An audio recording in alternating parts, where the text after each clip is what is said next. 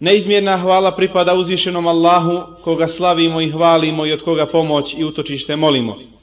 Utičemo se Allahu da nas zaštiti od zla naših duša i naših zlih dijela, koga Allah uputi na pravi put, nikoga u zabludu ne može odvesti, a koga Allah na stramputici ostavi, nikomu na pravi put ne može ukazati. Svjedočim da nema drugog Boga osim Allaha i da je Muhammed sallallahu alaihi wasallam njegov robi poslanik.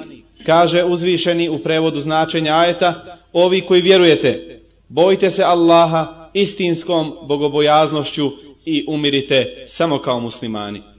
Cijenjena i poštovana braćo, odnos između čovjeka, između roba i rabba i njegova gospodara je odnos o kome treba stalno razmišljati, govoriti, jer kao produkt ili rezultat te veze ovisi naše boravište na budućem svijetu. Stvorite svjetova je poslao poslanike i na kraju kao pečat svim poslanicima Muhammeda sallallahu alaihi wasallam da nam prenesu da između čovjeka i njihova stvoritelja nema posrednika. Da je veza otvorena i da uzvišeni Allah se raduje pokajanju svojih robova, iako je potpuno neovisan o njima. Objavljujući Kur'an, uzvišeni Allah subhanahu wa ta'ala pokazao nam je sa čime je on zadovoljan, sa čime čovjek može postići njegovo zadovoljstvo, njegovu milost i oprost, pa svaki musliman koji i ole poznaje svoju vjeru svjestanje da se Allahu može približiti dobrim dijelima, izvršavajući temeljne obaveze u našoj vjeri, obavljajući propisane namaze, posteći mjesec Ramazan, dajući zekjat, obavljajući hađ i pored ovih obaveznih stvari, isto tako obavljajući na file, radeći ono što je dobro, korisno, govoreći ono što je lijepo, pametno, a ostavljajući na drugoj strani zabranjena dijela, štetna, ružan i bestidan govor. Na ovaj način svako od nas je svjestan da može postići bliskost svoga stvoritelja, da može napredovati i doseći veće stepene na ovom svijetu, kao što smo vidjeli u prethodnim hutbama, da čovjek ima šansu i priliku da nadiđe nivo meleka, jer ima slobodu izbora, ali isto tako čovjek ima priliku i mogućnost da se spusti ispod nivoa životinje ukoliko bude udovoljavao svojim strastima i prohtjevima. Za jedno ovako razmišljanje imamo i tradicionalne i racionalne dokaze. Kur'an govori o mnogim poslanicima na koji način su se obraćali stvoritelju svjetova.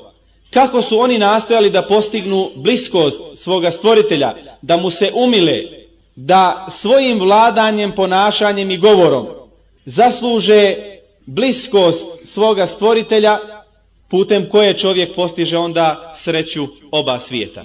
A svima nama je želja da budemo sretni, da budemo uspješni i naravno da budemo pod zaštitom svoga stvoritelja.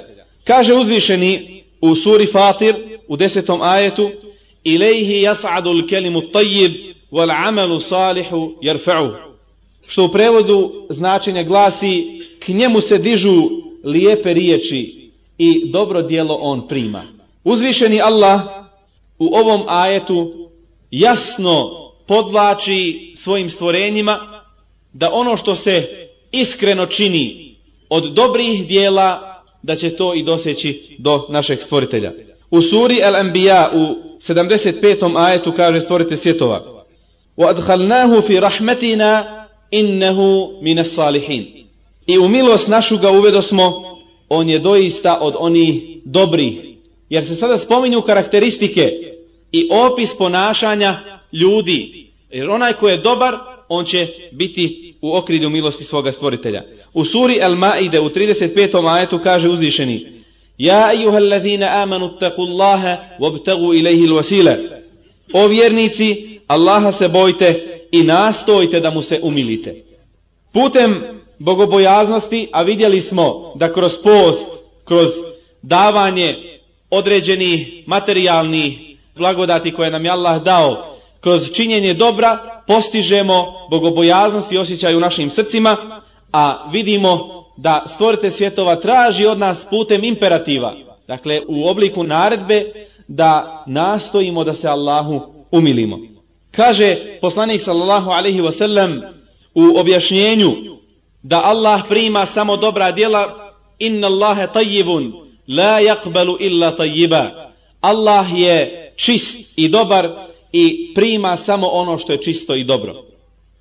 A na koji način najbolje možemo postići ovaj stepen, govori nam uzvišeni stvoritelj koji kaže u suri Al Imran u 31. ajetu Kul in kuntum tuhibbun Allahe fattabi'uni yuhibbukum Allahu wa yaghfir lakum dhunubakum reci ako Allaha volite mene slijedite pa će i vas Allah voljeti i grijehe vam oprostiti najbolji put i način da vjernik uspije na ovom svijetu jeste da se podrobno upozna sa sirom, to jest biografijom najodabranijeg stvorenja Muhammeda sallallahu alaihi wasallam, da se stalno iščitava historija Islama u kojoj nalazimo detaljne opise postupaka prve generacije ashaba, potom generacije koje su slijedili za njih tabina i ostali koji su ih slijedili u dobru, da vidimo na koji način su oni rješavali svoje životne probleme,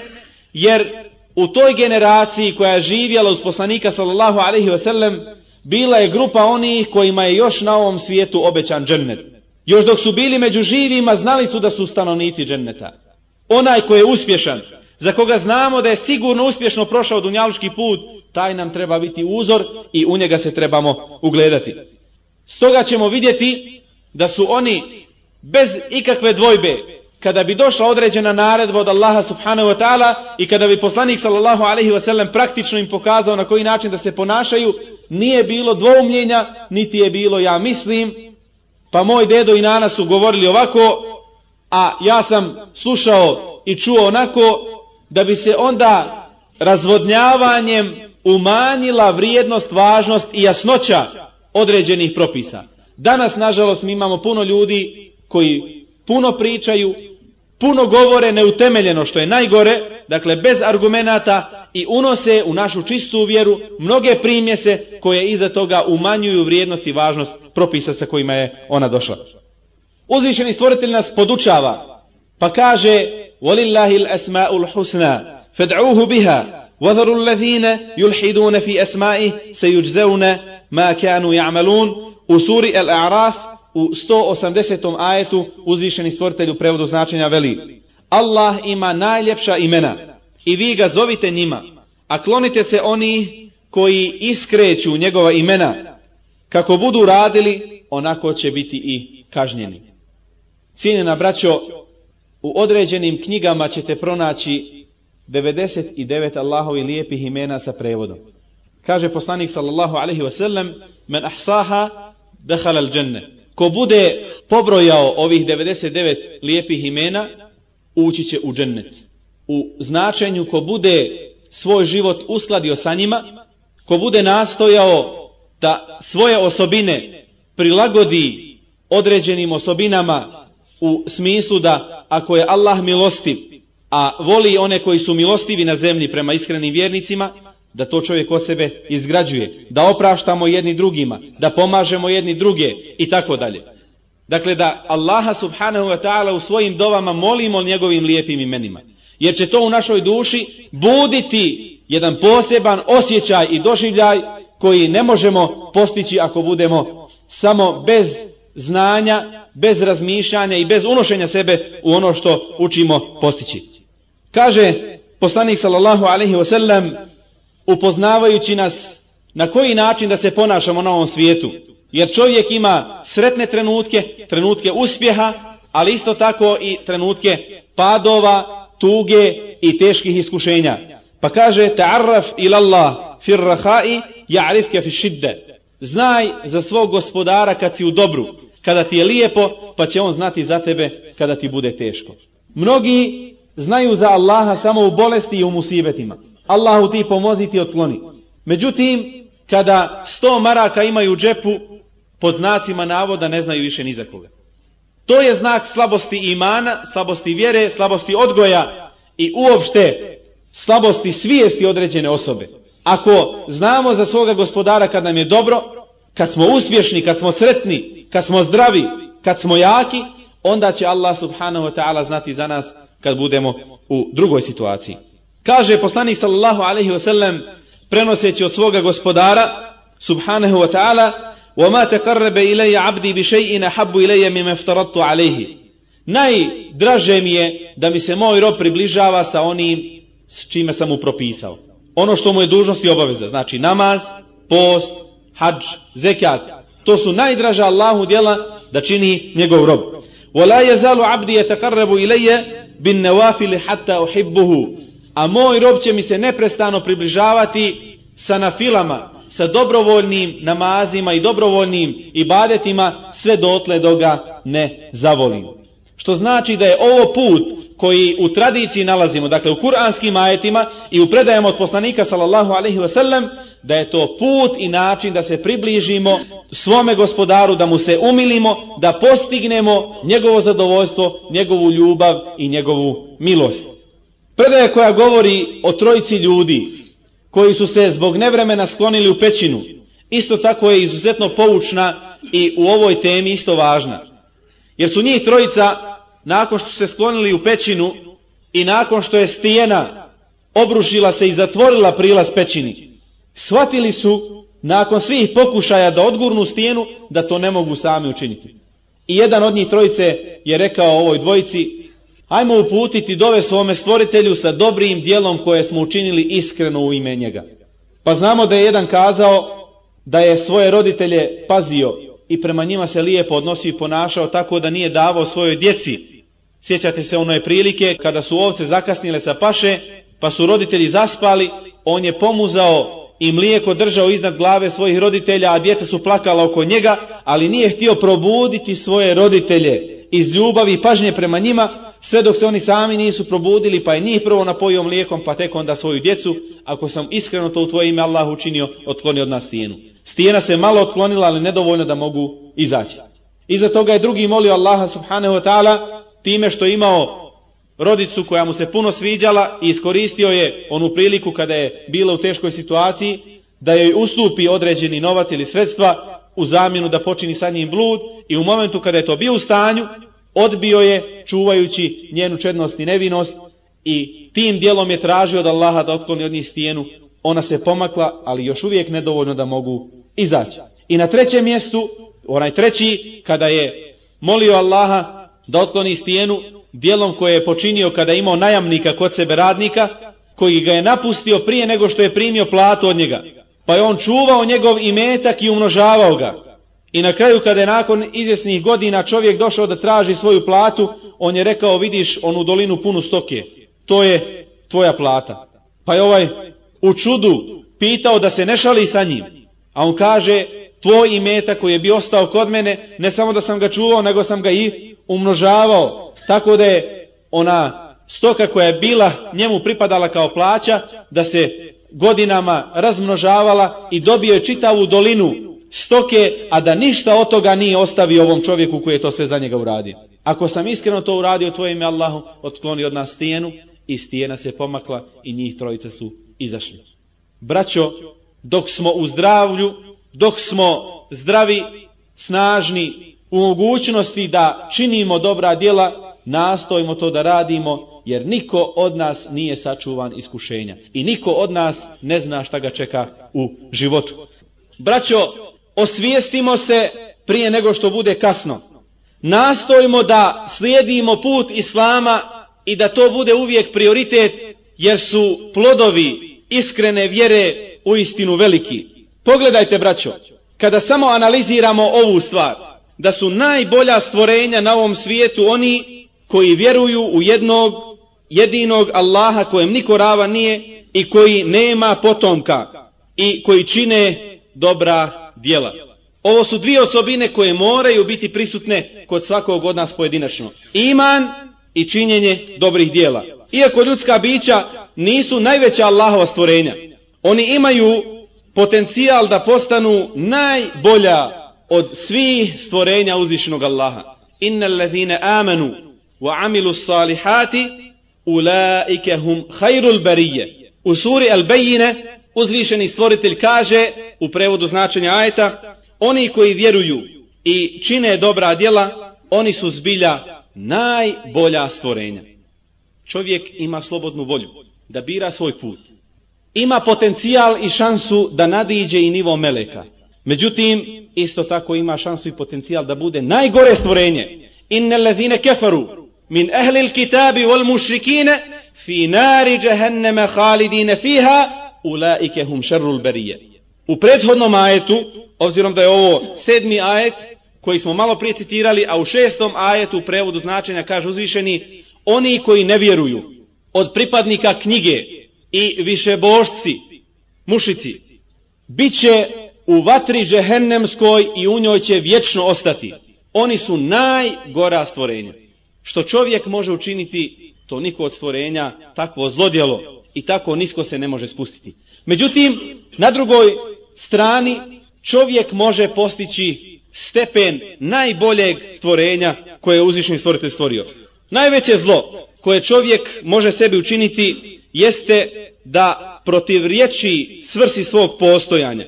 Abdullah prenosi da je upitao Allahovog poslanika sallallahu alaihi wasallam koji je grije najveći kod Allaha subhanahu wa ta'ala, a on je odgovorio en teđ'ale lillahi nidden wa huwa khalaqak. Da Allahu pripišeš ili smatraš nekoga ravnim iako te je on stvorio. Širk ili pripisivanje Allahu druga je jedini neoprostivi grije. Kako kaže uzvišeni, inna Allahe la jagfiru en yushraka bihi, wa jagfiru ma dune zalike li men ješa. U suri An-Nisa u 48. majetu kaže uzvišeni u prevodu značenja. Allah sigurno neće oprostiti da mu se neko drugi smatra ravnim, a oprostit će manje grijehe od toga kome on hoće.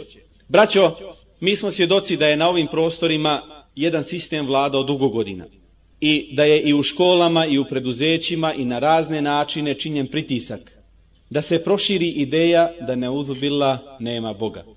Međutim, ratna zbivanja su pokazala da su mnogi katolici, iako su vršili određene funkcije, u biti izvršavali ono što su smatrali da je dio njihovih vjerskih i nacionalnih osjećaja, a isto tako i pravoslavci.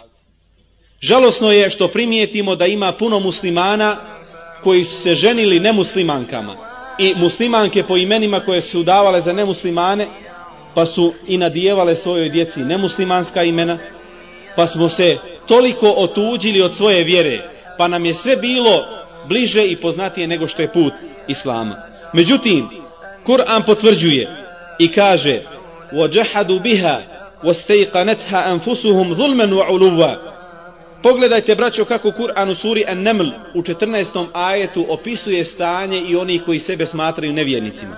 Kaže u prevodu značenja, i oni ih, to jest Božije znakove, porekoše nepravedno i oholo, iako su u sebi bili uvjereni da su isti. Svaki čovjek opet u biti zna da nema Boga sem Allaha. Kada je teška situacija i okolnost, kada je jaka bolest i opaka, kada je na izgled bezizlazna situacija na ovom svijetu, kako čovjek sam diže ruke i kaže Bože ti pomozi. Pa su mnogi govorili, ne znam puno učiti, jer nisam išao nikad u Mekteb, nisam ništa znao ti, nazovimo ih prijašnjih komunista, ateista, ali kažu sve što sam znao, govorio sam.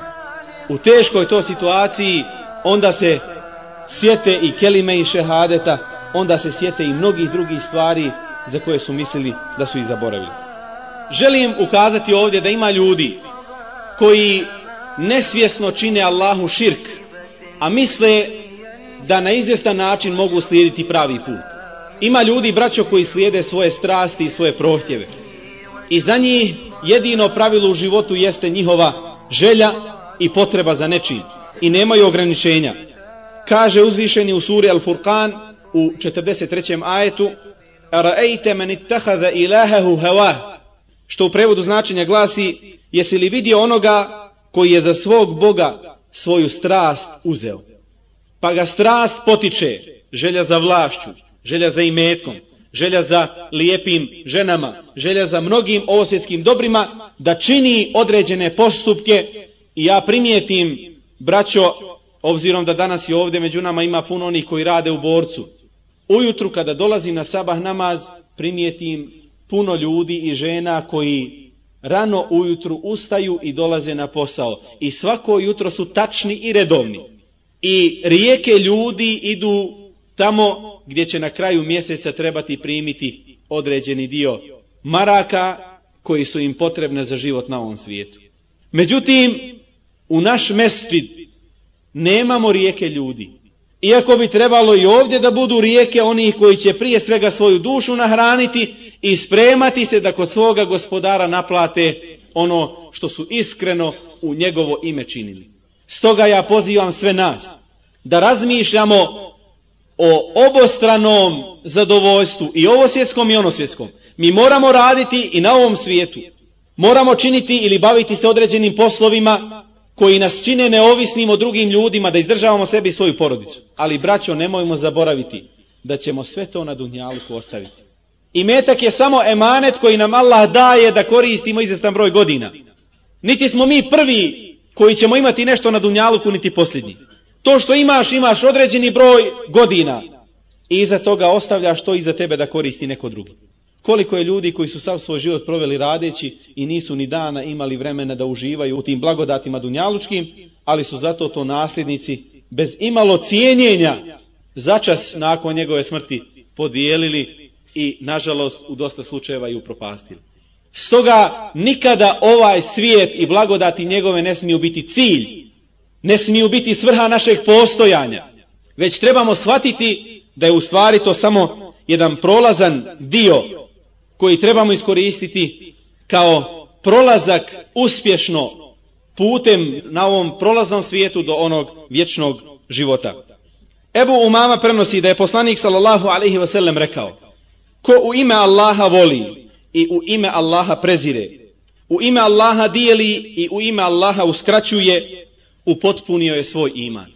Vjerujem da i ova predaja poslanika sallallahu alaihi wasallam sama bi bila i tekako dostatna ili dovoljna da čovjek na osnovu nje mjeri svoj život. Jer na prvom mjestu nam treba biti ljubav u odnosu prema Allahu subhanahu wa ta'ala najjača.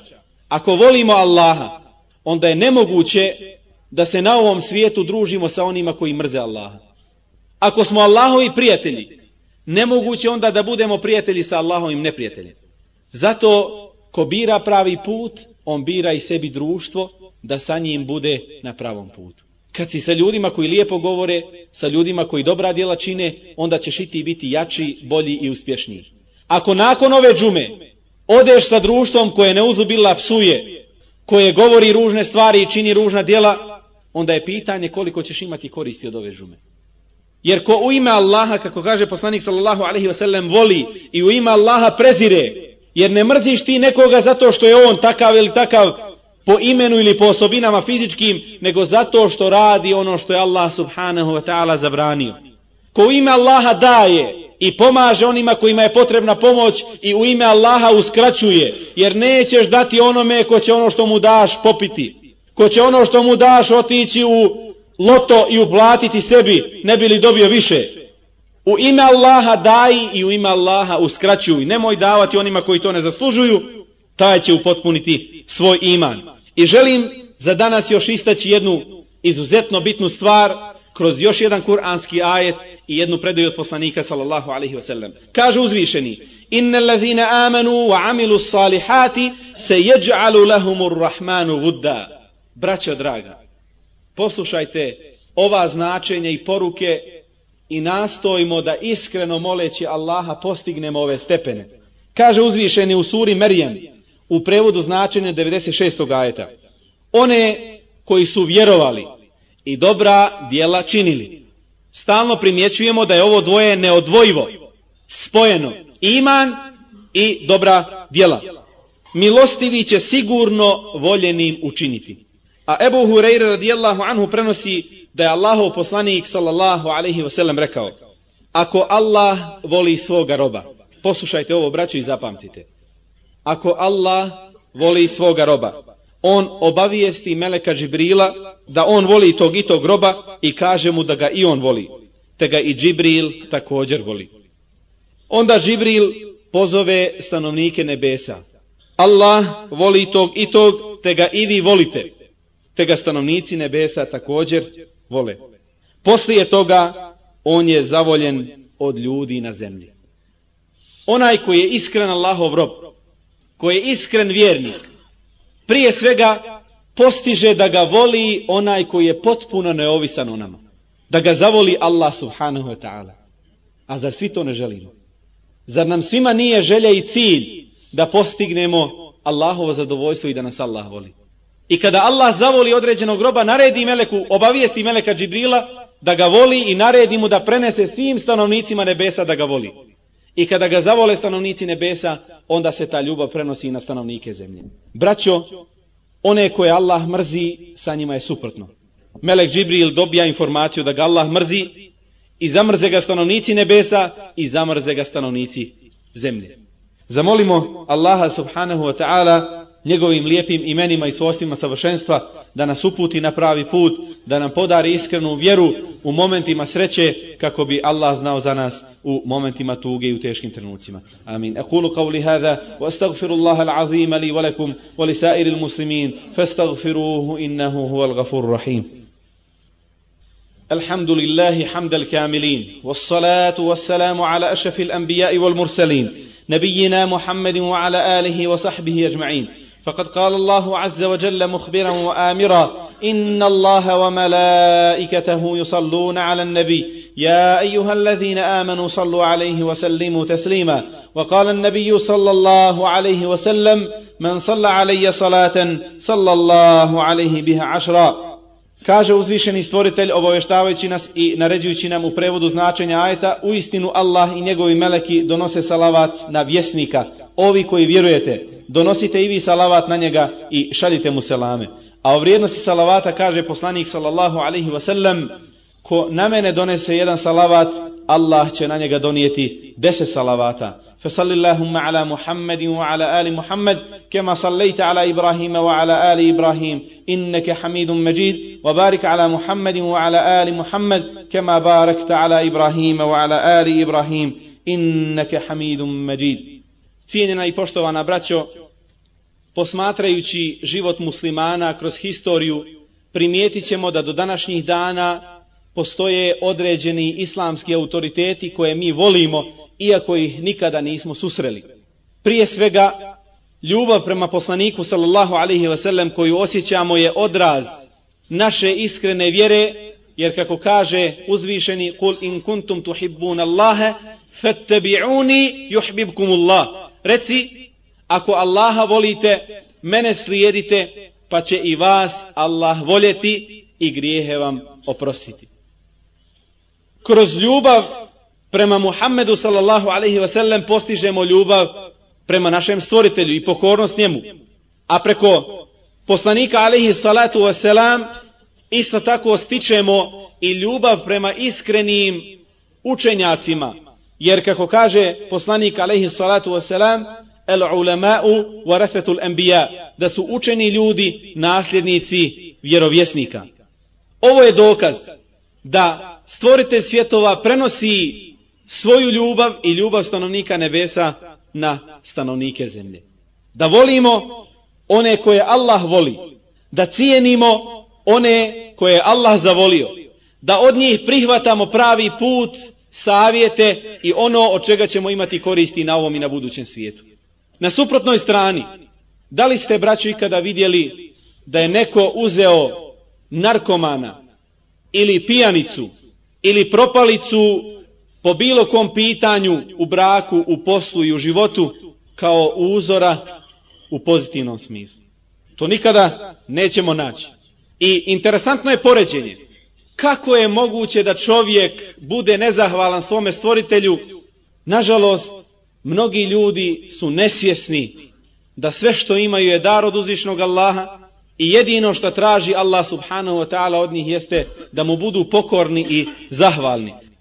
Cijenjena i poštovana braćo, učeći Kur'an i iščitavajući prevod značenja kuranskih ajeta primijetit ćemo da su mnogi Allahovi poslanici molili svoga stvoritelja putem dobrih dijela koja su činili.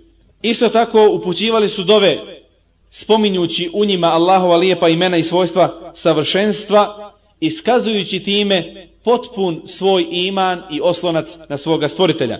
U suri Jusuf, u 101. ajetu, uzvišeni kaže, riječima Jusufa a.s. Rabbi, kad atejteni minel mulk, gospodaru, dao si mi dio vlasti, وعلمتني من min ta'wil i podučio si me tumačenju snova, snova, fatir as-samawati wal ard stvaraoče nebesa i zemlje. ente waliyyi fi dunya wal akhirah ti si moj zaštitnik i na ovom i na budućem svijetu. tawaffani musliman usmrti me kao muslimana. wa alhiqni bis salihin i pridruži me da bude među dobrima pogledajte braćo na koji način je Jusuf a.s.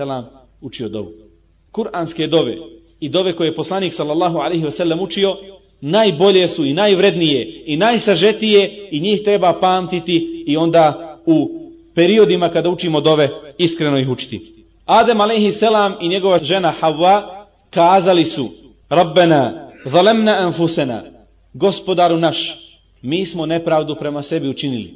Wa illam tagfir lana, pa ukoliko nam ti ne oprostiš, vaterhamna i ne smiluješ nam se lenekunenne minel hasirin, mi ćemo u istinu biti od onih koji su na gubitku. Ovo je sura El Araf 23. ajet. Svi ovi ajeti i mnogi drugi koji govore o dovama poslanika jasno nam ukazuju na koji način su oni postupali u teškim trenucima kada su tražili oprost i milost svoga gospodara. Dakle, neovisni gospodari, siromašni i ovisni rob je razlog da se mi koji smo siromašni, mi koji smo ovisni, trebamo približavati uzvišenom gospodaru kako bi nas spasio od patnje i od kazne i kako bismo dobili ono što u istinu želimo.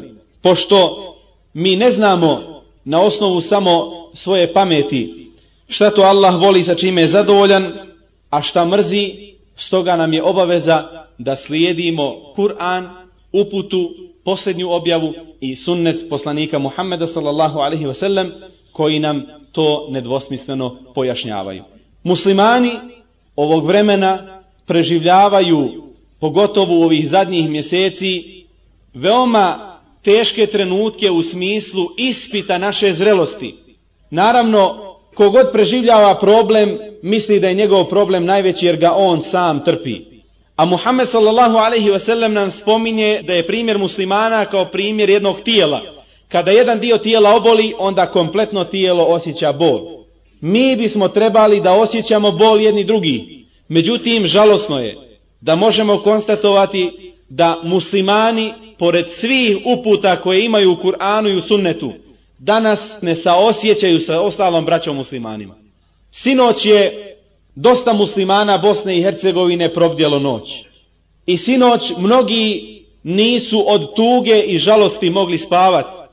I oni koji nisu bili u Sarajevu putem vijesti na talasima radio Nabe i izvještajem oni koji su bili na licu mjesta u Sarajevu pratili su nemila događanja o prebacivanju takozvane alžirske grupe koja je po posljednim informacijama koje ja imam deportovana iz Bosne i Hercegovine na Kubu.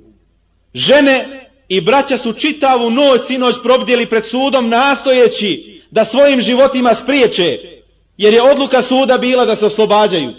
Ali nažalost naši poltroni sinoć su palicama udarali žene i autima ih gurali isto tako i muškarce i pored svih nastojanja da se to spriječi, pogledajte i pratite braćo. Volio bih da pratite danas vijesti i da budemo u toku, jer kako su sinoć mnogi napominjali, probudite se bošnje, danas su oni, a sutra ste vi na redu. Nemojmo misliti kad gori kuća komšije, spavaj ne gori moja, preće plame na tebe. Ovo je naš ispit.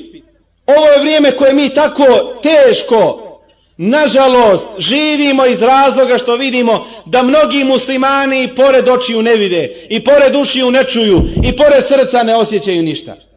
Ovo je vrijeme koje pokazuje sav naš jad, jer imamo učene ljude koji na katedrama univerzitetskim pričaju o zlatnim vrvenima muslimana. Muslimani Španije, ako ste pratili prije neku noć o inkviziciji na televiziji, priču na koji način su kršćani organizovali i mučili svakoga onoga ko nije mislio kao i oni. Na najgore dunjalučke muke su stavljali, to je najsramniji dio crkve, međutim i dalje oni opstoje, a muslimani kada žele ostvariti svoja prava, to im se danas ne da. Tolika priča o zaštiti ljudskih prava, o zaštiti pojedinaca, o konvencijama, o zaštiti ljudskih prava, te ženevska konvencija, te priče, da bi Amerika iza toga kazala da Afganistanci uopšte ne smatra da spadaju bilo koji od tih grupa. Jer oni nisu insani za njih. Oni su za njih neuzubila gore i tretiraju nego hajvane. Pas, pas ima veće pravo kod kafira nego što ga ima muslima. I žalosno je što naši ljudi u Bosni i Hercegovini, naša policija, naši političari i naša alijansa koja trenutno sramno vlada našom državom, pokazuju nam pravo lice odnosa prema islamu i muslimanima. 83. godine, kada su komunisti hapsili muslimane u Bosni i Hercegovini, mnogi su tada spavali, nisu znali što se dešava. Pa su mnogi htjeli, kad je Tito krepao, da muče hatmu. Šta znači manipulisanje informacijama? Šta znači kada u medijima se prikazuje jedno, a u biti je stvarno nešto sasvim drugo? Pitanje je šta ćemo mi dočekati za koji mjesec ili koju godinu. Jer i ovo što danas govorimo na ovoj hutbi, možda će za nekoliko biti i tekako vagano i pozivano na odgovornost. Međutim, mi kao muslimani trebamo biti svjesni da se moramo buditi. Da moramo pružati ruke jedni drugima. Jer kad te neko lupa, a ti samo saginješ glavu, on će te samo lupati i dalje sve dok te ne uništi. Ali kad podigneš glavu i pokažeš da i ti nešto znaš, da si ti svjestan šta ti se čini, da ti se nepravda čini, mnogi će se onda preispitivati. A uvijek ovisi o snazi protivnika na koji način će se prema njemu odnositi. U ovom slučaju, neko je podigao toliku prašinu i hoće da prikaže nas muslimane da smo svi teroristi. Jedna od žena koja se javila rekla je da Bog da Sarajlijama četnici ponovo spala došli. To je teška kletva u ovom momentu kada musliman na muslimana udara. Da Bog da i kaže dočekalo ono što, što prije nekoliko godina su preživljavali kada na ovako sraman način se ponašaju prema muslimanima i na takav način pružaju šansu i mogućnost da se sa muslimanima čini ono što se čini. Braćo draga, mnogi muslimani su sinoć iz Zenice, Visokog i drugih krajeva Bosne i Hercegovine došli u Sarajevo. Mnogi su im pružili konkretnu pomoć i na snijegu, kako imamo informacije, noćni nama su klanjali i molili Allaha subhanahu wa ta'ala za pomoć. Međutim, pitanje je da li se naše dove uslišavaju. Da li je naša vjera u našim prsima toliko iskrena da Allah prima naše dove? Da li jedemo ono što je halal? Da li oblačimo ono što je halal? Da li činimo ono što Allah subhanahu wa ta'ala traži od nas da bi nam uslovi bili ispunjeni da nam se dova prima? Stoga, braćo draga, pokajmo se svome gospodaru tražeći oprost od njega, da nas uputi na pravi put, da nam oprosti grijehe, da popravi naše stanje na bolje, da izliječi bolesne, da oslobodi zatvorene, da popravi stanje muslimana u Afganistanu, u Palestini, u Čečeniji, u Kašmiru, na Filipinima i u čitavom svijetu na bolje. Da Allah promijeni i stanje muslimana u Bosni i Hercegovini na bolje. إنا لله وإنا إليه راجعون.